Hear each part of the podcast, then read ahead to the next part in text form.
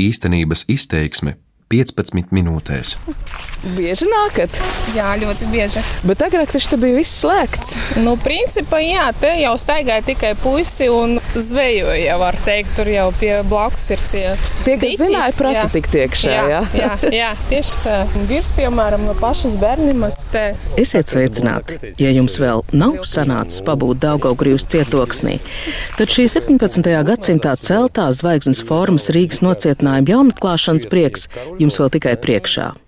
Paradoxāli, bet Daugaugrības cietoksnis vēstures gaitā ir bijis militāri nozīmīgāks, augstāk amatpersonu pagodināts, taču šobrīd labāk priekšstatu par šai laika periodā visā Eiropā būvēto cietokšņu formu, cietokšņu dzīvi un nocietināšanas metodēm sniedz tā līdzinieks Daugopils cietoksnis, kuram paveicies ar tajā iekārtoto Marka Rotko mākslas centru. Kāda ir tā vēsture? Cik ilgi te bija dzīvība, cik ilgi te bija saimnieks un kas pēc tam notika? Nesenā vēsture ir tā, ka 93. gadā ienāk Latvijas armija. Krievijas armija aiziet prom. Aiz slēgtām durvīm bija noliktavas. Daugaugrības cietoksni izstaigāja ar cietokšņu patreizējo īpašnieku, publisko aktīvu pārvaldītāju posesoru, oficiāli algotajiem cietokšņu sargiem, iedrību Boldrājas grupa, kuras kodolu veido Valoģa un Sandra Jakušonoki. Taču Boldrājas grupa patiesībā ir kas vairāk par sargiem. Viņu cīņa par šīs vietas vērtīgumu atzīšanu ilgst nu jau vairāk kā 30 gadus. Sandrija Kušonoka vada ekskursijas, organizē apkaimes iedzīvotājus, rīko talkas. Tagad mēs ejam uz tās Lutāņu baznīcas drupām. E, Drupas nav, ir vieta. Te jau ir arī stāsts pārnest gliku. 680. gadā baznīcā sāk kalpot gliks. Jā. Protams, ka tas ir liels gods, ja mēs varam šo vietu nosaukt par vietu, kur iespējams ir tulkot tēvreiz. Tēvreiz teksts varētu būt tulkots tieši Daugaugrīvā. Lai arī Daugaugrības cietoksnim ir patiesi nozīmīga loma Latvijas vēsturē. Pirmā pasaules kara laikā te izveidot pirmā latviešu karaspēka vienība, pirmais Daugaugrības latviešu strēlnieku bataljons. Un burtiski nu pat 15. oktobrī apritēja simtgadu kopš Latvijas brīvības cīņu laikā to iekaroja 9. Rēzeknas kājnieku pulks. Patreizējais cietokšņa skats ir visai žēlīgs. Šodienas īstenības izteiksmes tēma - kāpēc šī ne tikai pilsētas, valsts, bet visas Eiropas mēroga pērle, tā arī nav sagaidījusi savu rotko, savu uzplaukumu. Šo stāstu stāstīšu es, Anna Buševica. Īstenības izteiksme 15 minūtēs. Tātad cietoksni jūs saņēmāt 1999. gadā, kad no turienes aizgāja armija. Tad vispirms nodeva cietoksni ministru kabinets privatizācijai 2000. gadā ar atsevišķu rīkojumu, un tad mēs arī pārņēmām viņu valdījumā no aizsardzības ministrijas. Valsts akciju sabiedrība privatizācijas aģentūra nesen pārdēvēta par akciju sabiedrību publisko aktīvu pārvaldītājs posesoru. Taču mūsu stāstā aktuālo šīs iestādes būtību labāk izsaka vecais nosaukums. Kopš 1999. gada Daugaukurības cietoksnis tās pārziņā ir tāpēc, ka tolaik tika lēmts par labu privatizācijai. Kāpēc 20 gadu laikā nav notikusi cietokšņa privatizācija? Kāpēc neizdevās tam atrast labu saimnieku? Stāsta posesoru zemes un nekustamā īpašuma departamenta vadītāja Ausma Vilsone. Sākotnēji, kad mēs pārņēmām jau aizsardzības ministrijas institūcija, bija noslēgusi nomas līgumu līdz 2048. gadam. Tātad lietoja objektu ar īpašiem tur noteikumiem, arī restaurācija bija jāveic ēkām. Aumēs ar mūža. Jā. Ausma Vilsone Daugaugrijas cietoksnī kāju spēra tūkstošgadus mijā. Sandrai Jakušonakai no Boldrājas grupas ir krietni senākas atmiņas. Tu atceries reizi, kad tu pirmoreiz ieraudzīji Daugaugrijas cietoksni? Sētas, dzeloņa stieples, dīvainas celtnes, padomīskas sajūtas. Tu saproti, ka tu esi armijas daļā. Tas esot bijis vēl padomu laikā, varbūt 1987. gadā, kad atmodas vēsmas vēl esot bijušas tik, tikko jūtamas. Smieklīgi, bet tolaik Daugogurijas cietoksni tautā saukuši par Petrau cietoksni, jo visu šeit noteicis trešā ranga kapteinis Petraus. Tad nu divi tikko nodibinātā vidas aizsardzības kluba biedri, Vladimirs Jakušonoks un Velo Remerts, lūguši Petravam atļauju cietokšņa senākās būves pulvertorņa apsakošanai. Petrovs bijis pat ļoti pretim nākošs. No padomju armijas līdzekļiem piešķirta nauda pulvertoņa restaurācijai, un nu ir sanācis tā, ka Latvijas valstiskās neatkarības atgūšana izjauca pieminekļu sargāšanas entuziastu profesionāļu panākto. Tad kādu brīdi tur ir Latvijas armija, viņiem tur bija šaušanas apmācības, daļu izmantoja dīvainiem kooperatīviem, tur bija lietus sargu remontēšana un radio detaļu kaut kādas lietas. Un bija tāds brīdis līdz 99. gadam, kad pārņēma Almēsta ar muižu. Bija brīdis, kad armija tomēr atteicās no šīs vietas, un būtībā tur nāca un gāja gan arī kurš grib. Sijā Almēsta ar muižu 1998. gadā uzvarēja konkursā par iespēju šo vietu nomāt uz 50 gadiem, un vismaz iesākumā viņu klātbūtne Daugaugrības cietoksnim nāca par svētību, taču arī Almēsta ar muižu nespēja īstenot savus nodomus. Piemekļu sargi konstatēja neizdarītus darbus, tika kavēta nomas maksa. Un vienpusēji izbeigt nevienu līgumu nav iespējams, vai nu bija jābūt kaut kādiem pārkāpumiem, kurus mēs arī tātad konstatējām un nolēmām izbeigt eh, šo nomas līgumu. Bet uh, nomnieks uzsāka tiesvedību, kas ilga vairākus gadus. Faktiski mēs objektu nomnieks atbrīvoja 13. gada pašās beigās, un no 14. gada varētu teikt, ka nav mums vairs objektam nomnieka. Es neteiktu, ka viņi nedarīja neko. Viņi darīja diezgan daudz tādai ikdienas uzturēšanai.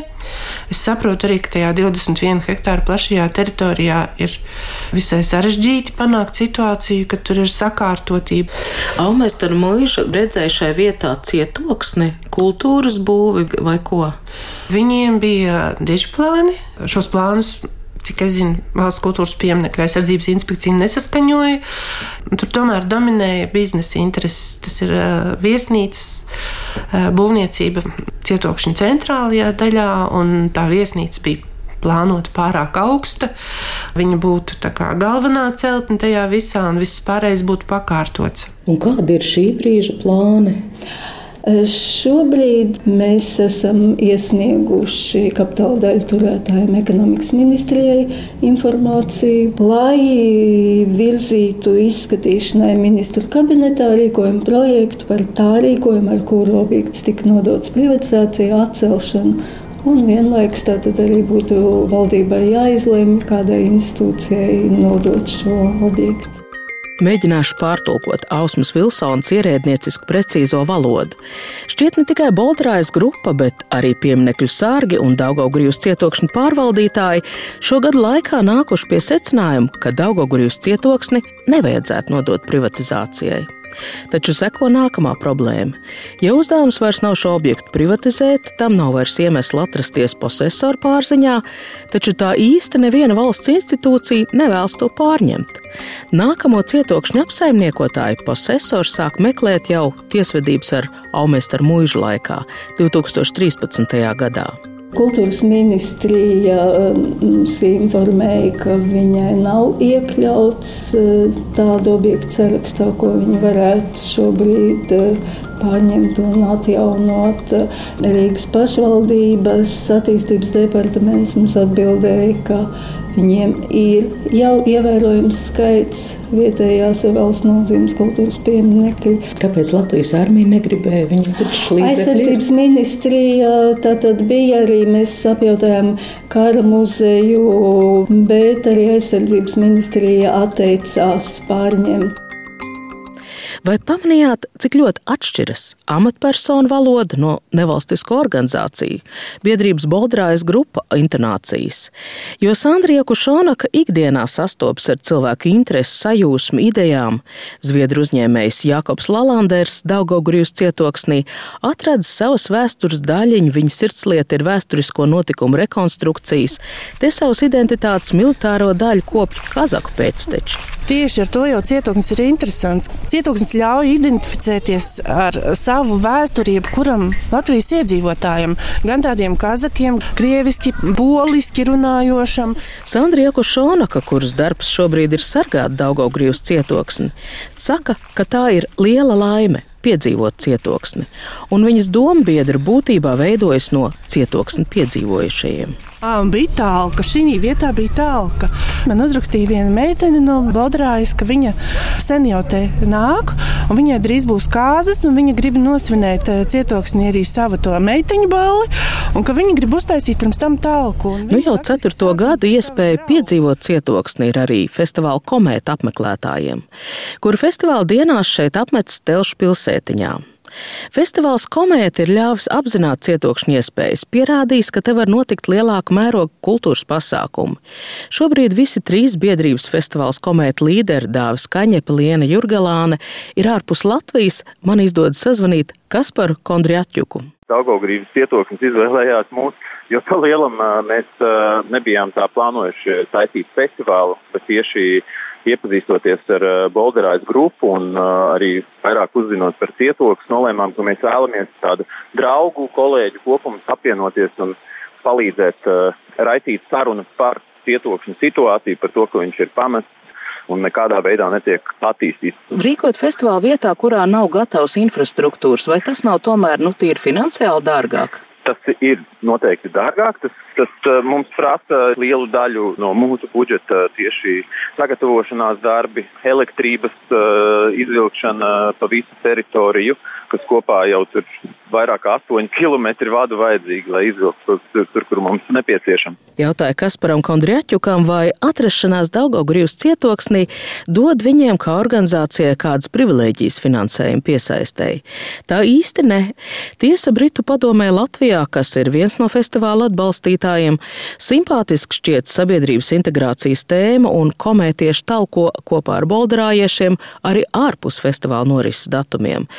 Rīgas pašvaldība festivāla atbalsta tāpēc, ka tas notiek Rīgā un Daugaugrības cietokšņa iedzīvināšana šajā gadījumā nespēlē tik būtisku lomu. Bet nevar teikt, ka Rīga galīgi izliekas nezinām, jo tāpēc, ka mēs esam vairākus gadus pēc kārtas, tagad pēdējos divus eh, rakstījuši apkaimju konkursiem un mums ir iedot naudu talkām par tiem 2500 eiro, ko mēs esam saņēmuši, tad ir eh, sākot no stendiem, beidzot ar, ar taku pļaušanu, talcinieku ēdināšanu. Mēs esam šovasar organizējuši vairāk kā desmit talkas.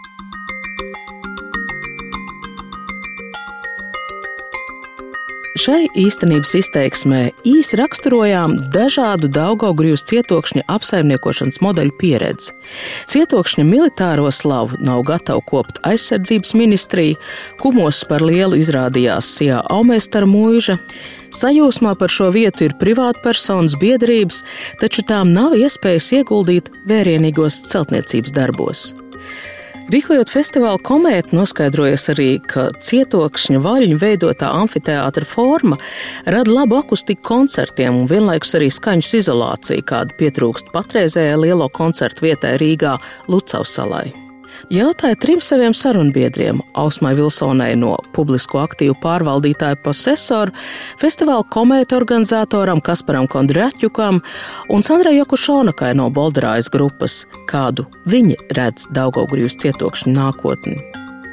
Latvijas jūras administrācija norādīja, ka varētu tur veidot jūras muzeju. Mēs uh, droši vien skatītos virzienā uz to, ka tas ir uh, kaut kāds individuāls uh, likums, kas ir Daugaugrības cietoksnim, kā valsts kultūras piemineklim. Savukārt mēs kā uh, organizācija vai organizācija apvienība būtu ieinteresēti piedalīties uh, attīstības procesā. Es piekrītu tiem dažiem cilvēkiem, kas publiski ir izteikušies, ka koncerta zāle ir vajadzīga cietoksnī. Jā, es uzskatu, ka cietoksnis ir piemērots šai lietai. Tikpat labi arī kā 90. gados tika minēts, ka šis varētu būt laikmatīgā mākslas centra vai mākslas muzeja vieta. Tas būtu tas nosacīti mūsu rotko, kas spētu šo vietu pacelt virs apgājumas, virs Rīgas līmeņa, ka tas būtu valsts nozīmes uh, objekts, kas mainītu absolūti visu. Šobrīd Daugaugrijas cietoksnis meklē savu jauno īpašnieku. Vai un kāda būs tā nākotne? Par to runājām pagaidām vēl īstenības izteiksmē, ko sagatavoja Anna Buševica, skaņoperators Kaspars Groskops. Īstenības izteiksme 15 minūtēs.